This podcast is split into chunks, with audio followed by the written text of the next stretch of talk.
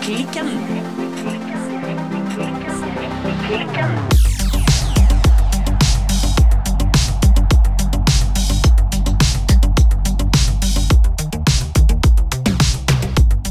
Hallo, Birte.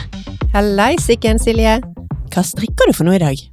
Jeg strikker fortsatt på min sweater number 14. Number 14! Yes. Eh, det går ikke veldig raskt. Så litt frivillig eller ufrivillig så vil jeg si at jeg er blitt tilhenger av eh, slow knitting. Ja! Jeg strikker fram og tilbake. Mhm. Rett fram og vrang tilbake. Ja. Det er litt styrete å strikke vrang, syns jeg. Ja, du Det er har jeg fornøyd. nevnt før. Ja, du er ikke noe fan av vrang.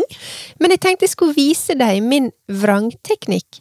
Eller kanskje mangel på vrangteknikk. Har du en manglende vrangteknikk? Kanskje. Jeg, f- jeg har egentlig funnet en som passer for meg. For at eh, du viste meg at jeg ikke trengte å legge tråden fram. Ja!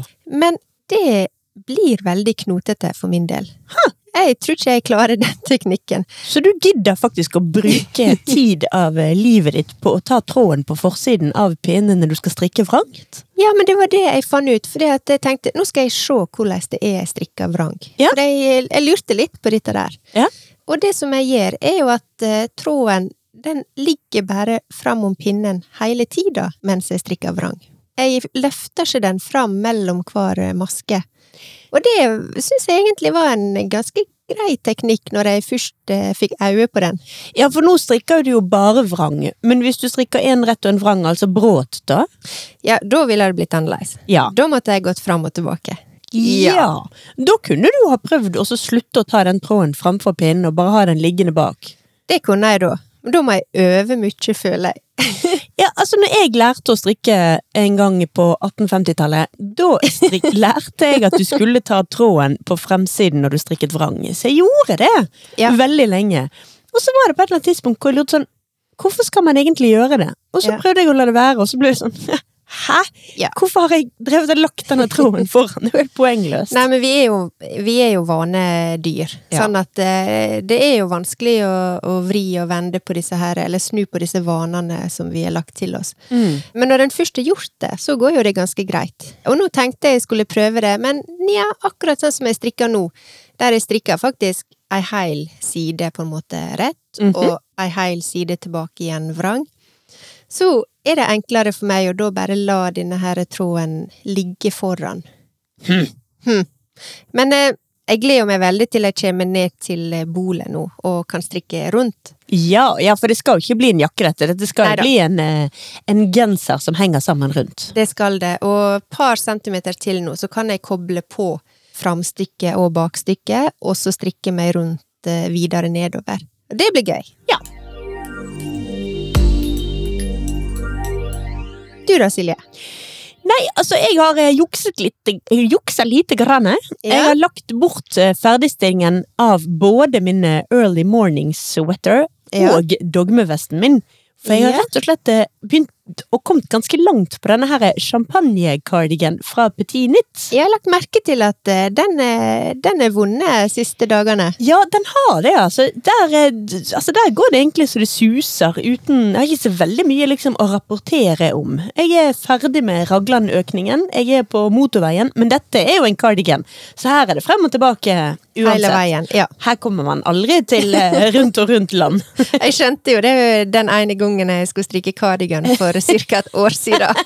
Og jeg sto i butikken og bare Ja, men skal jeg, skal jeg aldri strikke rundt? Og liksom, her er jo rundpinne. Betyr det at fram og tilbake? Hvorfor har jeg rundpinne da? Og Jeg bare skjønte ingenting. Og de i butikken til slutt bare eh, Men det er en cardigan. Ja. Jeg bare ja, selvfølgelig. Jeg skjønte ikke det. Det tok tid før, jeg- før det knipsa inn. Det er ganske bra at du står der og liksom bare Ja, men ja! Jeg kommer meg aldri rundt! Ja, nei, jeg var det er bare jakke.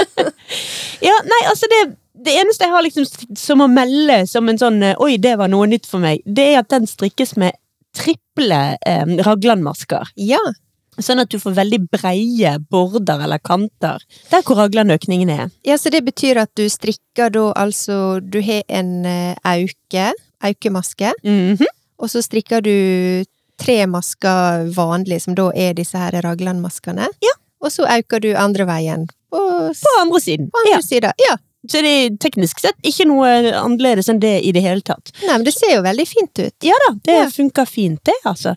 Litt grann eh, sånn spent på om et års tid eller noe sånt. Jeg synes det, altså dette, denne strikkes jo i double Sunday. Ja. Kanskje det er litt mykt, eh, dette garnet. Kanskje vil det loe litt i fremtiden. Men er det kun double Sunday? Nei da, det må Nei. her også. Ja. Så vi får nå se om det, men eh, det blir eh, Ja, det er nå det prosjektet jeg eh, surrer og går med. Litt av grunnen til at jeg stoppet med den dogmevesten, Ja. det er at altså, den er jo egentlig ferdigstrikket, men så ombestemte jeg meg når jeg prøvde den på. Ja. Jeg syns den er litt for løs nede, og så vil jeg gjerne sy armene, for jeg har strikket den som en T-skjorte, og de vil jeg sy inn sånn at den blir en vest. Altså, nå har du litt sånn kjedelig litt sånn pjatteting Det er igjen. litt sånn pjatteting, ja. Ja. For jeg vil rekke opp eh, eh, den eh, Hva er det heter det helt nederst, da? Eh, Bråte? takk. Der hadde jeg mistet det ordet. Eller vrangbåren? Eh, v- Vrangbår, bråt, Ja, kall ja. det hva du vil. Den vil jeg rekke opp og så strikke litt strammere. Rett og slett fall- felle inn litt, og så Ja. strikke sånn at den får litt med sånn poseform oppe, og strammes litt inn rundt hoftene. Ja. Men det ville jeg gjøre med svart, og jeg var helt tom for svart garn. Ja. Og så kunne jeg jo ikke gå og kjøpe svart garn, for det ville være mot alle regler. Jeg mener, nå skal jeg allerede bryte regel og rekke opp litt. Ja.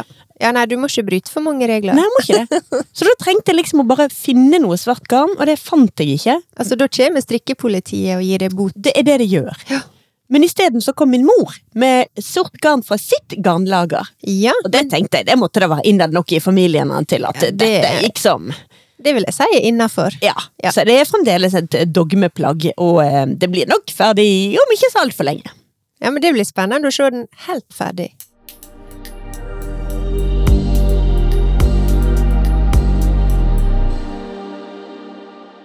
Men i dag, Birte, Ja.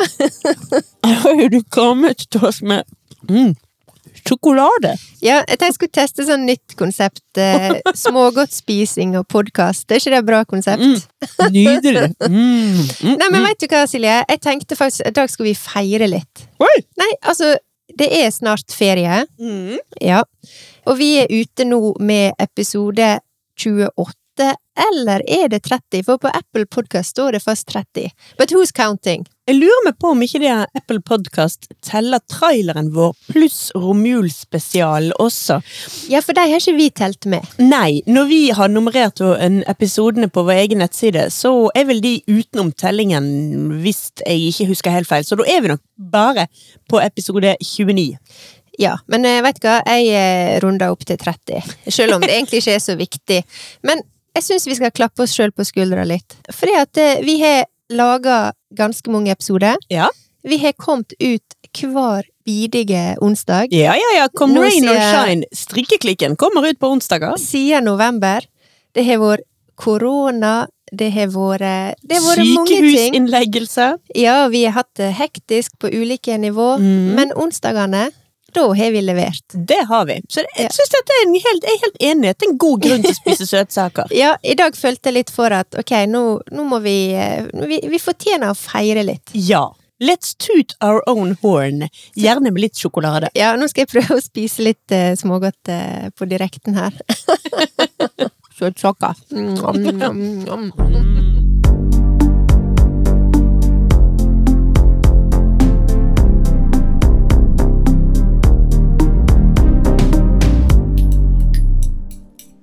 Men mens du gomler litt godteri, Birte, Ja. så kan jo jeg røpe hva det egentlig er vi skal snakke om i dag. Yes. For dagens episode, da skal vi snakke om strikking og bærekraft. Men Birte, hva betyr egentlig bærekraft for deg, og hva betyr det i forhold til strikking, da? Ikke bare liksom, se på meg, jeg er flink og eh, bruker lite strøm og sånt. Det er lett å tenke at strikking automatisk er bærekraftig, fordi at du sitter på en måte og produserer med dine egne hender. Ja.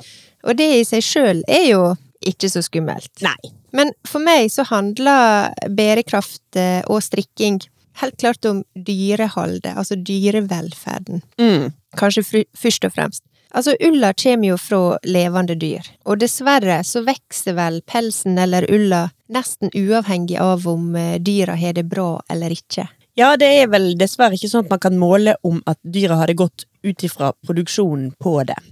Men det er jo noen fordeler med strikking, da. Altså, strikking kan ses på som sånn slow fashion. Ja. Altså langsom mote, som er motsvaret til hvordan veldig mye av de andre klærne våre blir produsert. Ja. Når man jo strikker seg en genser eller cardigan eller dogmevest eller hva det nå enn er. ja, for nå snakker vi om håndstrikking. Nå snakker vi om håndstrikking, eller ja. det vi Ja. driver med. Ja. Da har man jo mye bedre kontroll på prosessen. Ja. Da vet man jo at det ikke er produsert av eh, underbetalte arbeidere i Asia eller barnearbeid og den slags. Med mindre man er et barn som strikker, da, men da er det vel greit. Ja. Og man kan velge kortreist, svanemerket norsk ull, og man kan velge den fargen man vil ha, man kan lage et plagg som passer akkurat din kropp, istedenfor liksom at kroppen må passe til det som allerede henger på kleshengeren, eller som er produsert til kleskjeder. Ja, altså det, blir jo, det er jo custom made når du lager til deg sjøl. Du Det tar er jo jo det. mål, og så finner du liksom den perfekte størrelsen. Ja, i alle fall i teorien, og med Ja. litt praksis, altså l- litt øvelse, så vil jo de fleste lære seg litt om både sin egen kropp og sin strikkefasthet og den slags. Ja. Og ullplagg varer jo lenge, da. Både på grunn av slike slitestyrken til fibrene, men også fordi at ull faktisk må vaskes sjeldnere enn for eksempel plastklær, altså polyester og dette her. Og når man, de aller fleste, når man først har brukt veldig mange timer på noe, Mm. så reparerer man det gjerne, og tar mye bedre vare på det enn plagg fra Ja, igjen, jeg bruker ofte liksom Hennes og Maurits som sånn eh, bruk og kast-eksempelet mitt, men det er jo fordi at det der jeg ofte handler når det er litt mer sånn ja, bruk og eh, kast-mentalitet. Ja, for altså strengt tatt, selv om eh, som vi nevnte i stad, altså strikking er jo en ganske snill hobby, ja da. som eh, gjør veldig godt for vår eh, mentale helse. Men altså, hobbyen i seg sjøl er ikke nødvendigvis eh, bærekraftig. Sjøl om det gjerne kan føles sånn eh, når en sitter og putler med strikketøyet framfor å kjøpe en genser, for eksempel på Hennes og Maurits eller en kjedebutikk. Ja. Og dette handler jo også litt om hva garn du bruker. Ja. Hvor og hvordan det er produsert Mm. hvordan det blir transportert, og så videre, og så videre. Og så er det jo dessverre sånn at andre land kan ha andre krav til både dyrehold, bruk av kjemikalier, og dersom garnet reiser rundt på fly til og fra ulike verdenskroker, så må vi kanskje stoppe litt opp og tenke oss om. Ja, man må jo det. Altså, det er ikke sånn at hvis du sitter og strikker og strikker og strikker, sånn som noen av oss gjør, nemlig meg, så er det jo ikke sånn at det er å redde miljøet og liksom se på meg, eh, min samvittighet er grønn og eh, nå redder jeg jammen verden. Det fungerer jo virkelig ikke sånn. Nei, og det er jo ikke derfor en strikker heller. Nei, det er jo ikke det. Men det er jo det vi skal snakke om i dag. Det er hvordan Ja. man på egentlig en del enkle måter kan gjøre sin egen strikking ja, litt grønnere, litt mer bærekraftig. Uten at det skal bety at vel, det eneste du kan gjøre er å klippe av deg håret og eh, strikke av ditt eget hår, hår, for det er det eneste som er kortreist nok. Ja, altså, det blir jo fort sånn når en begynner å snakke om eh, bærekraft, at jeg håper å si, det som er det aller mest bærekraftige, det er jo å stoppe med det aller meste. Ja. Men det går jo faktisk ikke.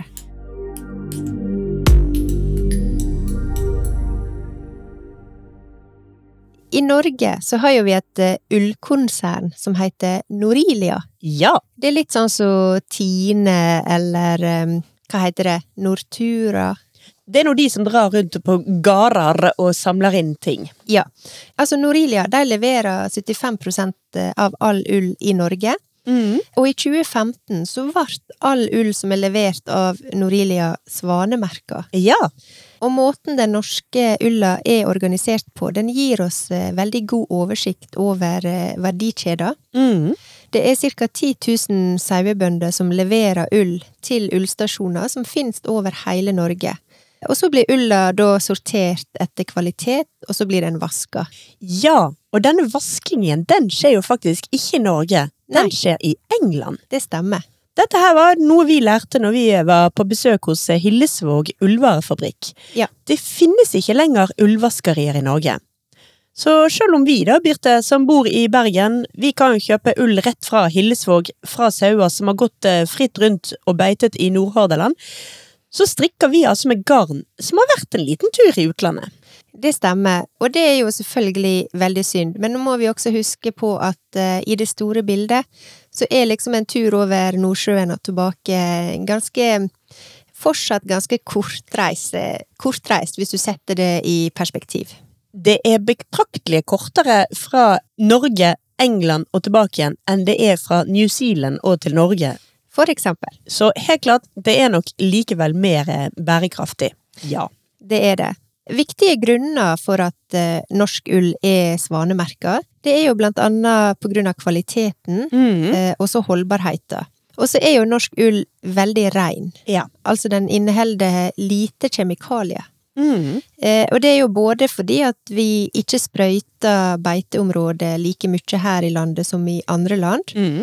og sauene blir heller ikke dyppa i slike store bad med antiinsektkjemikalier, sånn som faktisk er ganske vanlig i ganske mange land. Altså, ifølge en artikkel som jeg fant på internett, så er det i dag sånn omtrent 900 000 vinterfòrete sauer i Norge.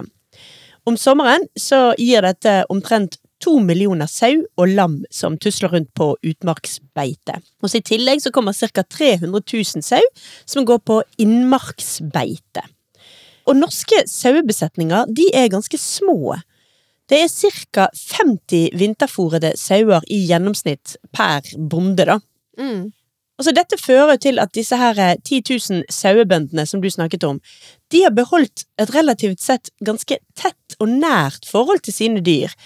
Altså kanskje ofte i større grad enn andre husdyrbønder. Altså de som har eh, Ja, nå har vi akkurat sett disse her forferdelige bildene fra griseoppdrett og Ja. hvordan en del kuer har det, de står på bås, og Så de som driver med sau, har gjerne færre dyr og tettere forhold til de, rett og slett. Mm. Så norsk sauehold, det representerer altså det jeg i hvert fall da vil kalle for godt sauehold. Sauene de går løse i stort sett eh, ganske store binger om vinteren. Fôringen den er stort sett basert på grovfôr. Og etter lammingen så får eh, ja, mor og barn Mm. Sau, hva heter det? Sau? Nei, hva heter egentlig en damesau? Er det det som er søye? Søye og lam. Søya og lammet, ja. Søye og lammet de får være sammen hele sommeren. Og de får gå fritt i naturen, og du må flytte deg pent når du kommer kjørende rundt på norske veier. Flytte for sauen. Så altså, veldig kort fortalt, norske sauer har et veldig kort, men godt liv.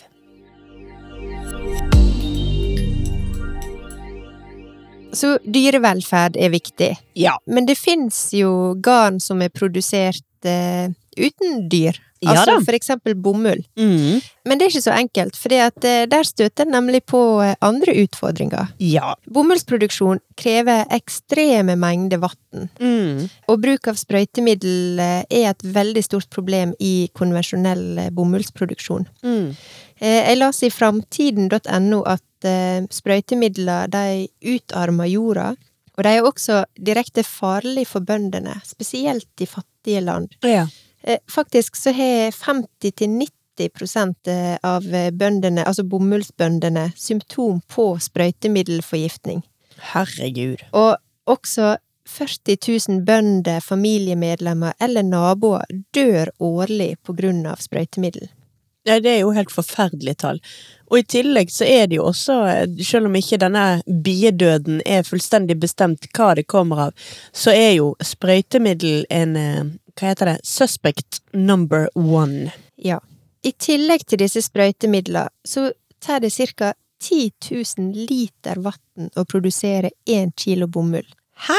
Av og til så kan det faktisk gå med så mye som 20 000 liter vann. For å lage ett kilo bomull! Altså, det er så mye at det er vanskelig å forstå det enorme avtrykket dette lager på naturen. Hjelpe meg, dette visste jeg ikke i det hele tatt.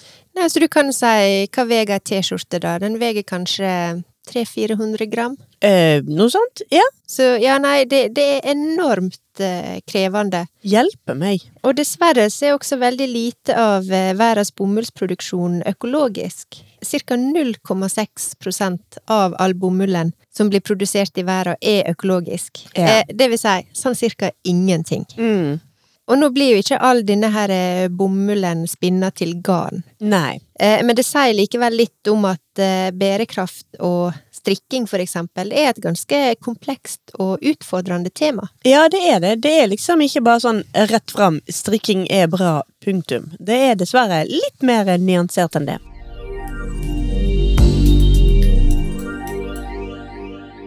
Og så er det jo også dette med mikroplast. Ja. Mikroplast det er jo da små, tidvis bitte, bitte små, biter med plast som havner i naturen, og som gjerne til slutt ender opp i havet. Og der bruker plasten ekstremt lang tid på å brytes ned. Plasten ender gjerne opp i magen til både store hvaler og mellomstore fisk og bitte små reker. Mikroplast det skylles ofte ut med vaskevannet hver, altså når du vasker et plagg som er laget med plastfibre. Dette kan f.eks. være fleecegensere, nylonstrømper. Mm. Og ullplagg det avgjør også masse fibre i vask, men disse fibrene er jo helt naturlige, og de ødelegger ikke livet i havet. Nei. Men så er det jo også dette her med mulesing, Birte, som jeg Ja. husker at du snakket om for mange, mange episoder siden. Hva, hva var nå dette her mulesing?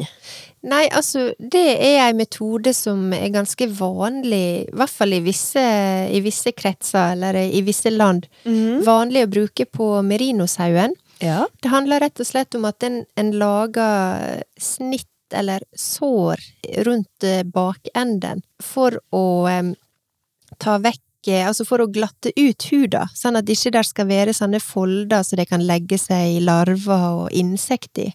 ja. Og dette her, eh, det blir jo da åpe sår som eh, sauen går med. Men det er altså det for at ikke de skal eh, på en måte bli infisert av eh, ulike småkryp. Ja, så da rett og slett s- blir de skåret helt uten bedøvelse, så skjærer de vekk biter av huden, så de Mm. går rundt med åpne sår. Og Ja. dette er jo Altså, man kan ikke kalle det for dyremishandling engang, det er jo ren tortur. Det er absolutt eh, Det er ekstremt smertefullt for eh, disse sauene. Nå skal det jo sies at de det er ikke så, altså De fleste ut av de garnene som i hvert fall vi to vanligvis bruker, er jo garantert mulesingfrie. For dette sjekket vi jo litt opp i sist vi snakket det. Ja. Men gå inn på nettsidene og sjekk ut de garnprodusentene dere kjøper garn av, alle våre lyttere, og sjekk at de er mulesingfrie.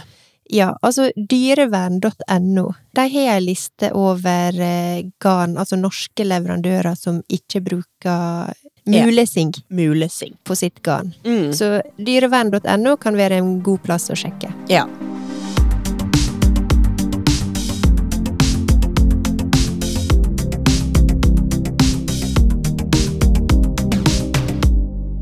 Og så er det jo dette med at man skal jo alltid spise opp maten sin, og alltid bruke opp garnet sitt. Og restegarn, det er gøy. Og det finnes en million gode prosjekter hvor man kan bruke restegarn. Nå holder jo jeg på med min egen eh, dogmevest, som bare består av restegarn. Og det er et ekstremt kjekt prosjekt. Mm. Det er veldig gøy å sitte og strikke seg en vest og se ned, liksom. Mm, der er den eh, rustfargete Ingen Dikkedara-genseren min. Ja.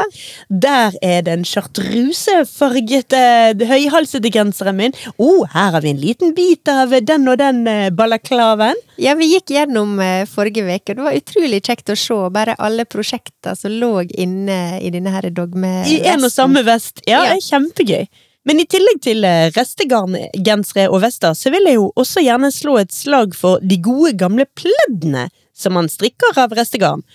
Altså, jeg elsker jo som kjent pledd, Ja. og nå må jeg snart hekle meg eller strikke meg et nytt pledd, for det er jo egentlig noe av det kjekkeste jeg vet. Ja, jeg har faktisk til gode å se det med et eh, pleddprosjekt, så ja, Det kanskje jeg skal begynner få oppleve det. ja, det begynner å bli alvorlig lenge siden det, men du vet at et sånt pleddprosjekt har det med å ta ganske Det tar litt lengre tid enn en vest eller en genser eller noe, så Jeg da blir skjønner. det mye sånn her eh, Hva strikker du i dag, Silje? Pledd. Hva strikker du i dag, Silje? Pledd. Hva strikker du i dag, Silje? Pledd. Jo, men jeg er jo der allerede med mine prosjekt, så det tror jeg går bra. men altså, nå har vi snakka litt om eh, bærekraft, men er det håp? Eh, kan vi strikke med, med god samvittighet? Ja, vi kan jo det, vil jeg Ja, påstå. vi må det. Vi må kunne det. Men altså, det finnes noen ting som kan være lurt å ta hensyn til. Ja. Altså, det finnes tre ulike merkinger som man kan se etter når man ønsker et mer bærekraftig ullforbruk. Mm. Det ene det er at man kan bruke økologisk garn. Ja. Økologisk garn det er økologimerket eller sertifisert av uavhengige organisasjoner som ikke styres av eh, forskjellige land sine myndigheter eller, eller bransjen sjøl. Denne her eh, merkingen den forteller hvilke stoffer som er tillatt i produksjonen av økologiske tekstiler, og i tillegg så stilles det krav til eh, at det skal være miljøvennlige produksjonsprosesser, og at innfarging og arbeidsforhold og dyrevelferd og avfallshåndtering skal være gjort på en så bra og økologisk måte som mulig. Dette her garnet det markeres gjerne med sertifisering av Global Organic Textile Standard, som er en sånn liten Jeg mener den er rund, men en sånn liten sånn, det er en spesiell logo du ser på dette her økologiske garnet. I tillegg så har jo vi noe som heter fair trade-garn. Ja! Og fair trade-garn det er fair trade-merka gjennom verdens største og den mest kjente merkeordninga for rettferdig handel. Ja, man har jo Fair Trade kaffe og Fair Trade sjokolade, og Fair Trade egentlig veldig mange forskjellige produkter. Ja, og disse fair trade-standardene de sikrer bedre arbeidsforhold og betingelser for bønder og arbeidere i utviklingsland. Ja. Sånn at de kan investere i produksjon, i lokalsamfunnet som de er en del av, og ikke minst i bærekraftig framtid. Mm. Fair trade-merking av eh, produkter det er et ganske pålitelig verktøy Mm. eh, for importører og også for oss som forbrukere i Norge, eh, som gjør at eh, vi kan bidra til eh, mer rettferdig handel og utvikling i fattige land.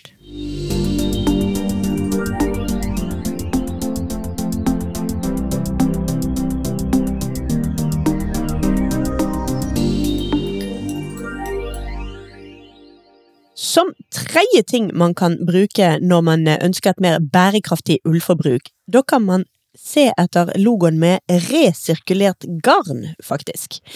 Det er ikke fullt så vanlig som verken økologisk garn eller fair trade garn, men det finnes der ute.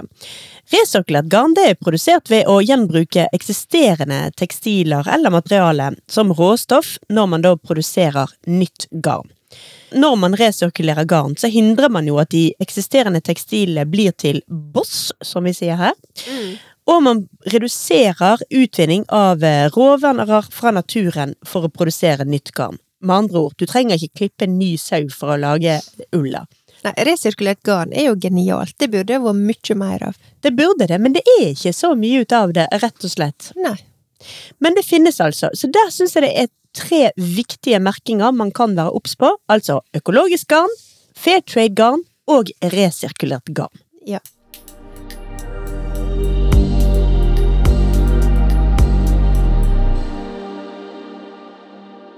I tillegg til disse her tre eh, merkingene som vi nå snakker om, Mm. så finnes det jo det flere produsenter av, hva skal jeg si, mer bærekraftig garn. Ja, altså det er jo litt et spørsmål om hvor grønn vil du være. Vil du være irrgrønn, så går du kanskje bare for eh, resirkulert garn. Hvis du vil bare være litt mer grønn, men ikke Altså, det er jo vanskelig hvor hen skal du legge deg. Ja. Men all norsk garn er jo, har jo svanemerke, så allerede der er man jo på den eh, snillere siden. Ja, jeg må korrigere litt, for ikke alt norsk garn, men Nei. norsk ull. Ja, ja, Ja. selvfølgelig. For her må vi jo skille. Ja, her må vi holde tunga rett i munnen, Ja. som en bruker å si. Til tross for at tungen er full av sjokolade akkurat i dag. ja, og lakris. Nei, men altså, du har sånne små og lokale produsenter. Mm. De har ofte ei veldig synlig verdikjede. Mm. De jobber småskala, og det er på en måte gjennomsiktig eh, produksjon og, eh, Ja. og verdikjede, rett og slett. Her er det jo fristende å henvise til vår episode om eh, roadtrip til Hillesvåg. For eksempel, Hillesvåg eh, Ullvare fabrikk er jo en av de leverandørene som, eh, som du kan stole på i Norge. Ja, og som kun bruker kortreist norsk lykkelig sau. Ja. Og så har du Rauma, Ja. ullvarefabrikk. Deres sin norsk ull er jo selvfølgelig også svanemerka, og vi snakker fortsatt eh, da om en ganske sånn ikke nødvendigvis små, så småskala lenger, men eh, i alle fall en, eh, en eh, fabrikk som holder til eh, oppe i Møre og Romsdal, Mm. og har gjort det lenge, og som eh, produserer og eh, spinner og alt på bærekraftig måte. Mm. Eh, men så er jo du sånne, sånne enda mindre. Altså, vi har jo snakka om eh, Oslo Mikrospinneri Mhm. tidligere. Pickles har jo også en garnkolleksjon som er bærekraftig. Ja. Og så har vi for eksempel danske Knitting for Olive, Mm. som er mulesingfri og har fokus på bærekraft. Mm. Og også Sandnes Garn er jo også en, en norsk eh, tradisjonsrik eh, ullleverandør. Men vi skal være litt obs på det, for det at, eh, som vi sa, norsk garn betyr ikke nødvendigvis norsk ull. Nei. Det finnes norske leverandører som også da importerer for eksempel fra New Zealand eller fra Sør-Afrika eller Sør-Amerika. Og det er klart at da, da har jo garnet i alle fall vært på ei lang reise. Ja. Og noen ting er det jo veldig logisk at man ikke har i Norge. Altså, Strikker du med alpakkagarn, er det liksom Da er det helt greit å forstå at denne ølen trolig kommer fra Latin-Amerika. Ja. Men det er klart, det er noe som er litt rart med at det finnes såpass mange og store norske garnprodusenter som selger garn produsert med ull fra eh, New Zealand-sau. Ja. Man skulle jo tro vi hadde norsk sau i dette landet her. Ja, vi har jo det, men eh, dette Altså, nå har ikke jeg gått inn i forretningsideen til alle disse garnleverandørene, men eh, jeg vil tippe det handler om eh, penger og Ja, økonomi. sikkert en blanding av penger og at den norske sauen er jo norsk villsau og no norsk hvit sau, som jo er den vanligste sauen som vi har i Norge. Den har en litt hardere, mer sturdy, som jeg er Ja. glad i å kalle det, type ull enn denne her merinoen som vi er så glad i. Og mori merinoen er stort sett eh, New Zealand-sau. Ja, det er den. Men helt til slutt, eh, når vi snakker om eh, bærekraftig strikking, så vil jeg si at hvis du sjekker litt på de leverandørene du bruker for å kjøpe garnet ditt, så er du kommet et godt stykke på vei. Men jeg vil også slå et slag for at eh, forbruk er jo aldri bra uansett. Nei. Og en viktig ting eh, når vi snakker om eh, bærekraft, det er jo faktisk eh, handler jo om å minske forbruket. Ja. Og her vil jeg slå et slag for eh, slow knitting.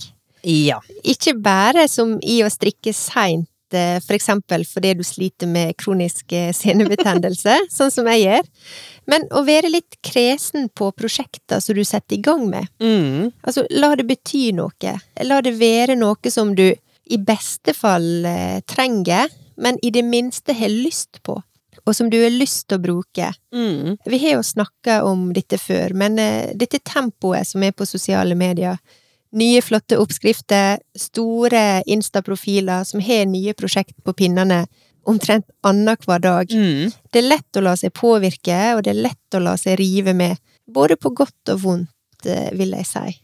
Ja, og som da en som strikker betraktelig både mer og fortere og mer frenetisk enn deg, så kan jeg jo si at det er mulig å gjøre det på en bærekraftig måte også, så Ja. lenge du da gir vekk disse tingene.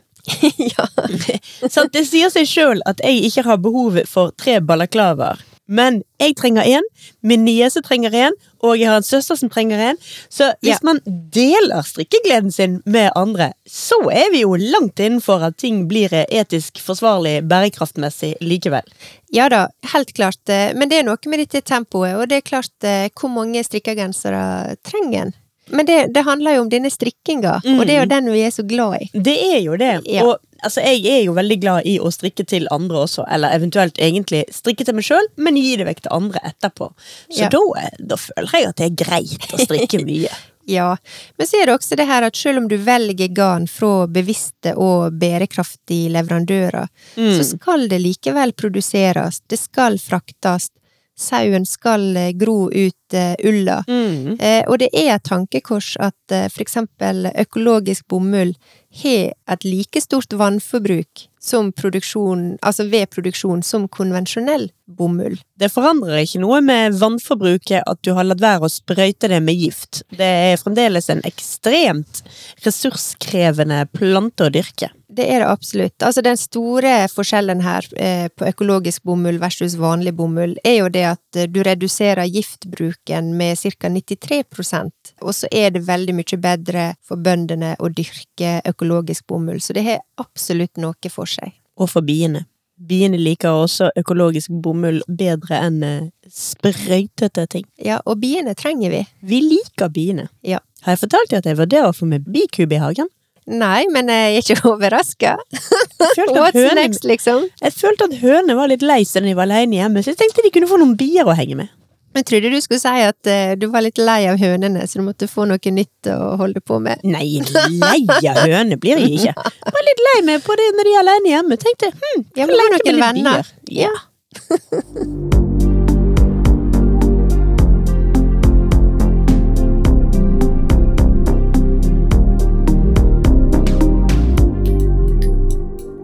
Så, for å oppsummere der, Birte.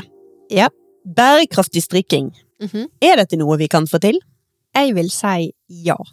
Ja, altså det Vi er jo må det. Altså, det er jo ikke et ja-nei-spørsmål, egentlig. Det er jo et spørsmål om mer bærekraftig. Ja. Det blir det samme som å si at en elbil er bedre enn en dieselbil. Men Ja. gåing er bedre enn bil. Gåing er best for miljøet. Ja, Å sitte hjemme er jo kanskje enda bedre, eller kanskje Altså, Det spørs jo litt eh, hva du sammenligner med. Jeg vil jo, jeg vil jo tenke at det finnes nok veldig mange hobbyer som er veldig mye mindre bærekraftig enn strikking Ja. i seg sjøl. det vil jeg også tro. Så ja, det må være Vi må kunne finne måter som gjør at strikkingen vår blir så bærekraftig som mulig. Mm. Og da vil jeg jo igjen anbefale disse her eh, tre eh, merkeordningene vi snakket om. Og så på generelt nivå anbefale norsk ull. Ja. Så det er vel de veldig korte greiene. ja, og så vil jeg slenge på det her med å være litt bevisst. Ja. For det, forbruk er forbruk uansett. Det er det. Og forbruk er aldri bra uansett. Nei, det har Nei. du helt rett i. Og du kan alltid, når du finner ut at liksom hm, denne stri- genseren eller dette plagget jeg strikket meg for et års tid siden, har jeg faktisk ikke brukt siden det. Nei vel, rekk det opp igjen, da. Ja. Bruk det samme garnet. Resirkuler ditt eget garn, og bruk det til noe annet. Ja, for det er jo en enkel måte å resirkulere på. Det er det virkelig. En genser som er blitt skikkelig slitt, du kan ikke lenger fikse den. Nei vel, rekk den opp og lag om kluter rundt den, da. Ja. Et eller annet.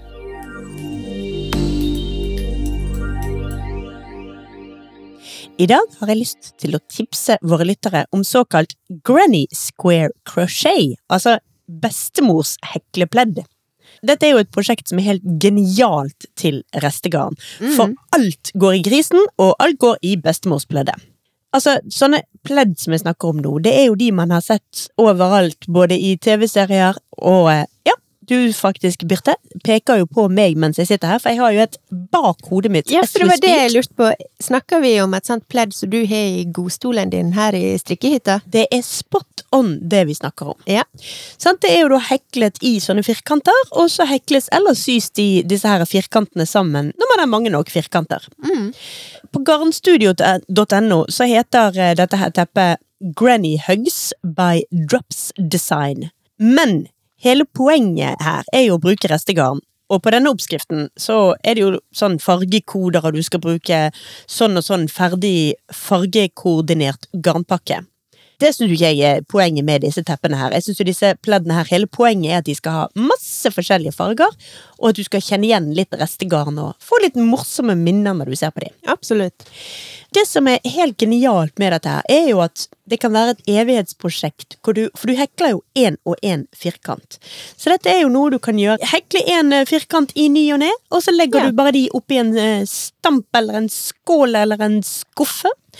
Og så lar du det ligge der til neste gang du har mye restegarn, og så hekler du noen lapper til, og sånn går den jo åren, og til slutt har det blitt et teppe. Til slutt, ja. Jeg anbefaler jo, for å få, si, få et litt grann roligere uttrykk, å til slutt gå inn med en kontrastfarge, en litt dempende farge, og legge inn rundt alle lappene. På mitt teppe gikk jeg inn med mørk brun. Det vanligste er vel å gå inn med svart. Men Ja. da får du både kontrast, sånn at fargene kommer godt fram, og du får liksom dempet kaoset lite grann. Men jeg tenkte på en ting, fordi at eh, for ganske mange år siden, vi snakker kanskje 20 år siden, Ja. så hadde jeg et skjerf som var hekla på den måten. Ja! Og det var veldig fint. Det var min kjære mor som hekla til meg, på bestilling. Men eh, jeg tenkte bare på det, hvis du er av typen som ikke klarer å bruke Altså ha et prosjekt liggende og gående i Mm. årevis, så kan jo du da hekle det sammen til et eh, skjerf. Det kan du selvfølgelig, ja. Vi legger selvfølgelig ut en eh, video på vår Facebook-side om hvordan man skal hekle disse her, for det er virkelig veldig lett når du først har skjønt det. Mm. Men det Så- ser veldig flott ut. Det gjør det. altså det, Jeg er veldig glad i dette teppet her. Og for eh, våre lyttere da, altså. Jeg tenkte jeg ikke skulle legge ut nye bilder av dette teppet. For jeg har snakket om teppet før, og jeg har lagt ut bilder av dette teppet før. Mm. Vi snakket om det når vi snakket om strikking og psykisk helse. For dette pleddet er jo da det som er blitt kalt for kjærlighetssorgsteppet mitt. Åh. Ja! Jeg hadde kjærlighetssorg, heklet meg i teppet, alt ble bra. Kjærlighetssorgen gikk over. Nei, ok, vi ble sammen igjen, Ja, da. jeg veit. Ergo gikk over. Ja, den gjorde det. Men eh, Så det ligger allerede bilder av dette pleddet ute på vår Instagram-side. Skroll deg litt nedi der, så finner du bilde av eh, mitt bestemors heklepledd.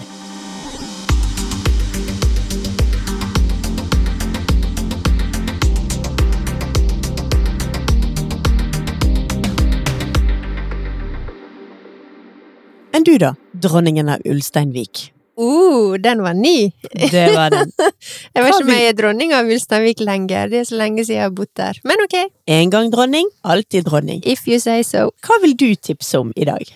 I dag har jeg lyst å Jeg er litt usikker på om det er et tips, men i forrige uke så nevnte jo jeg at eh, jeg driver og styrer litt med denne her eh, fridagsgenseren min. Ja, du knota litt med oppskriften, og vi hadde en lengre diskusjon om det var meningen at du skulle strikke frem og tilbake på den samme linjen i oppskriften, eller om du skulle strikke fra høyre til venstre, og så hoppe opp en linje, sånn som jeg er vant til å gjøre på oppskrifter. Ja, og jeg tok kontakt med Enja på Aftenstrik. Åh, du er så gravende journalist! Jeg elsker dette! Det var ikke så veldig gravende. Jeg sendte et spørsmål. Mhm. Ba pent om å kunne hjelpe en eh, stakkars eh, strikker. Og du gikk som strikker, du gikk ikke som gravende journalist! Nei, altså jeg, eh, Bakteppet her var jo litt det at eh, jeg hadde knota litt eh, om dette her eh, med lytterne våre. Jeg fikk jo også noen tips og råd fra noen lyttere som egentlig gjorde meg litt mer forvirra Ok, på om jeg hadde gjort det rett eller ikke. Ja, da skal det jo sies fra sidelinjen her at når vi, får, så- når vi har sånne samtaler, og når Birte gjengir sånne diskusjoner som har vært, så er det fordi at folk sender oss DM på Instagram. Ja, det stemmer. Og det blir vi veldig glad for. Det blir vi kjempeglad for. Men jeg tok i hvert fall kontakt med Enja, og hun svarte utrolig fort. Ok. Så det var veldig kjekt. Og hun kunne da bekrefte at ja, jeg har strikka rett. Åh, så bra! Jeg har forstått eh, oppskrifta. Det betyr at du starter, s- som du sier, fra høyre til venstre. Og så strikker du første linja til endes, Mhm. og da har du strikka forstykket. Ja, Og så strikker du den samme linja tilbake igjen. for da strikker du Da bakstykket. stykker du bakstykket, Jeg forstår. og så hopper du opp på neste linje. Men så utrolig kjekt at du har eh, forstått dette sjøl, da, og at du har gjort det riktig. Ja, jeg har gjort det rett, eh, og nå, nå er jo planen min å sette i gang sånn at jeg kan ha denne her fridagsgenseren som et sånt eh, ekstraprosjekt, Mm. som jeg kan strikke ei runde på i ny og ned. Ja, må- mellom sjokoladebitene. ja. Jeg må få lov å legge til at eh, jeg strikker jo den på rundpinne, Ja. så det er ikke sant at jeg strikker den fram og tilbake. Nei. Eh, men forstykket og bakstykket er helt likt. Så det handler litt om hvordan du da skulle telle omgangene i Mm. forhold til linjene i diagrammet. Ja, så du Ja. leser oppskriften frem og tilbake, mens du strikker jo bare som spiral rundt og rundt og rundt. Ja, stemmer. Så nå fant jeg ut av eh, det mysteriet, og nå er jeg klar for å mm, kombinere litt eh, sweater number 14, som eh, er vel det som en kan kalle sånn eh, TV-strikk. Med denne her eh, fridagsgenseren, som eh, ikke nødvendigvis er mer krevende nå når jeg har lært meg eh, mønsteret eller lært meg oppskrifta, men jeg tar den litt innimellom. Ja. Så om dette var sånn direkte tips, eh, det veit ikke jeg, men eh, nå har vi i hvert fall funnet litt ut av den eh, føljetongen. Og så ser jeg veldig fram til å strikke videre på eh, fridagsgenseren min, rundt og rundt eh, på diagrammet.